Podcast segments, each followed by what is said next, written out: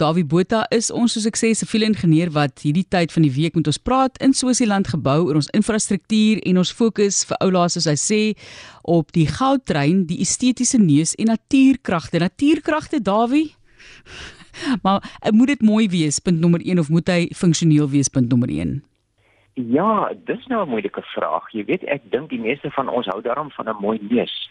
En daar selfs mense wat hulle neuse laat verander om mooi te lyk. Maar nou ja. So iets is estetika in die ingenieurswese is belangrik en soos jy sê funksioneel uiteraard. Maar ja, ek dink die meeste van ons het 'n aanvoeling vir dinge wat mooi is. Ons kan byvoorbeeld sê dis nou 'n mooi huis daai of kyk daardie mooi kar. En dis nie anders by ons in die ingenieurswese en die argitektuur nie. Uh bepaalde ingeboude ontwerpbeginsels maak dikwels iets meer of minder aanvaarbaar. En in my studiejare by Pretoria Universiteit het my broer Hannes argitektuur geswat. Nou hulle studie sluit natuurlik heel wat meer, meer in oor estetika as ons ingenieurstudies. Maar ek en hy was saam in 'n kamer en ek het nogal hier en daar 'n bietjie goeie ondervinding opgedoen om te kyk wat is mooi of hoe hoe belangrik sekere ontwerpbeginsels is soos die sogenaamde goue reghoek.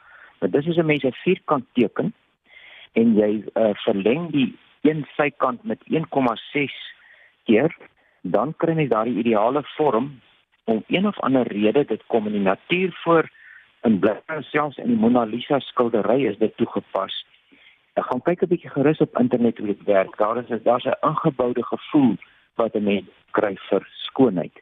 Nou wat goudtrein betref, onthou ek dat Jack van der Merwe gesê die trein moes mooi wees en nie net vinnig kan ry nie, maar hy moet sommer vinnig lyk ook.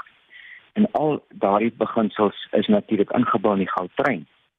Selfs die kleure is, is sorgvuldig gekies en daardie goue trein in die stad van goud is baie aangenaam op die oog, mooi om na te kyk. Nou by stadiger treine is die vorm van die neus van die lokomotief nie so belangrik nie.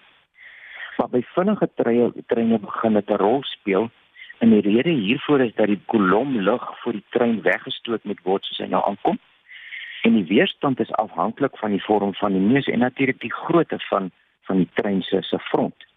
Ek nou, dink maar 'n bietjie daaraan as jy met 'n stuk karton sou speel deur dit deur die lug te waai.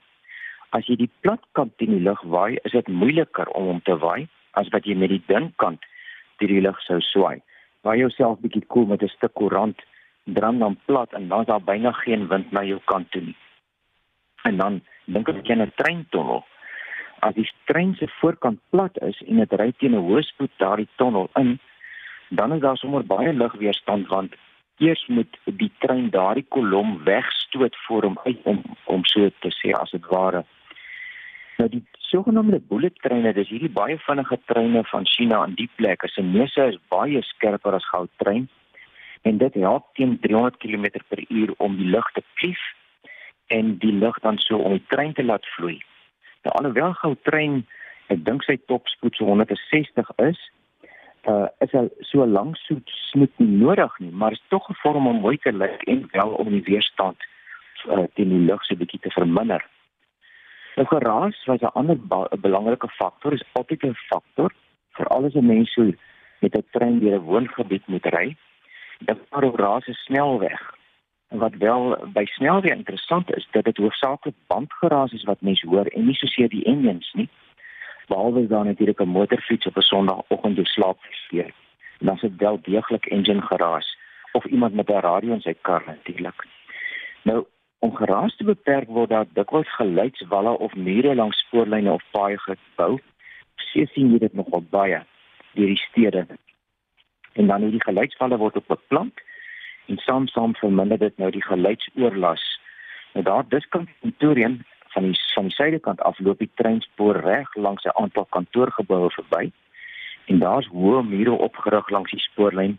Ek meen dit help ook om die visuele impak te verminder vir die kantoorwerkers want ja, daar kom elke paar minute 'n trein verby. Nou deurgrawings en tonnels vir die goudtrein het ook beteken dat daar sowat 6 miljoen kubieke meter rots en klip uitgegrawe moes word dis sommer 'n baie groot hoop klippe grys. En daarmee kon 'n mens as 'n mens nou probeer 'n beeld skep, 'n rugbyveld 'n hele paar honderd meter hoog toemaak. Nou gou treinse bouers het hierdie uitgrawingsmateriaal baie goed hergebruik en die surplus is selfs verkoop wat natuurlik in 'n stad 'n groot behoefte is want daar's altyd boumateriale wat jy moet aanry en dit was 'n wen-wen situasie. Dan in die geboude omgewing is dit natuurlik belangrik om so ver moontlik te verhoed om goed weg te gooi. Dis eenvoudig vermorsing. So ek dink dit is 'n baie slim plan om daardie materiale te verkoop. Dink ek as jy 'n gebou ontwerp, ehm um, en moet jy weet dat die afmetings van die boumateriale vasgestel is, soos byvoorbeeld dakplate of teëls. En daarvolgens behoort jy te ontwerp anders sny jy stukkies al wat weggegooi moet word en uiteindelik net 'n verlies is. Nou so al langs die roete van die goudtrein moes daar ook 'n paar duisend bome verwyder word, maar hulle toe teruggegaan en twee keer soveel bome teruggeplant as wat verwyder is. En daar's nog baie meer om die goudtrein. Niemand wil graag in 'n vuil trein of 'n bus ry nie. En die materiale in die trein is gekies om maklik skoon te maak.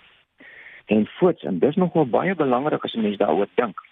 Jy mag nie eet of drink of kougom kou in daardie. Dit is streng verbode en dit maak regtig sin. In Brittanje is daar 'n paar jaar gelede berig dat hulle miljoene gespandeer het om 'n paar sypaadjies skoon te maak van kougom. Ehm, uh, hoe sou mens sê, uitwerpsels wil ek dit amper noem op die sypaadjies. In Nederland het ek gesien hoe hulle probeer om te keer dat mense kougom op die op die sypaadjies uitspoeg en die plakate het gesê spuugsat vir kougom. Ek dink dis nou nogal baie slim in 'n daai. Nou die goudtrein se treinstelle word dan ook saans by 'n werf geparkeer en binne en buite skoon gemaak. Soggens moet hulle weer op die regte tye by die regte plekke begin ry. Die bedryf van hierdie treinstelsels is baie mooi uitgedink. Want daar's byvoorbeeld ook die reiskaartjiesstelsel wat baie maklik werk met outomate, maar daar's dan so hier en daar 'n toonbank met regte mense ook as jy vasbrand. En dan nog 'n interessante aspek van die lughawe roete is dat die trein in twee gedeel is om dit so te stel is een trein maar uh, twee skelle waans. Dis kan pendelaars na die gebied rondom die lughawe by Rhodes Rhodesfield op afklim. Maar die passasiers wat op pad is na die lughawe toe se deure gaan nie oop nie. Nou die nie vermeng nie vermeng mes nou natuurlik nie bagasie en dagreisers nie en dit is eintlik ook baie belangrik veral op spitstye. Ek dink Goudtrein is 'n pragtige voorbeeld van 'n multidissiplinêre spanpoging in die geboude omgewing en iets waarop ons baie baie trots kan wees. Die vriespan waaroor Jack gesê het hulle moet saam droom en saamwerk. So ons kan gerus vir hande klap en wat bereik is, bereik is en ons sien uit na die uitbreiding van die Goudtrein.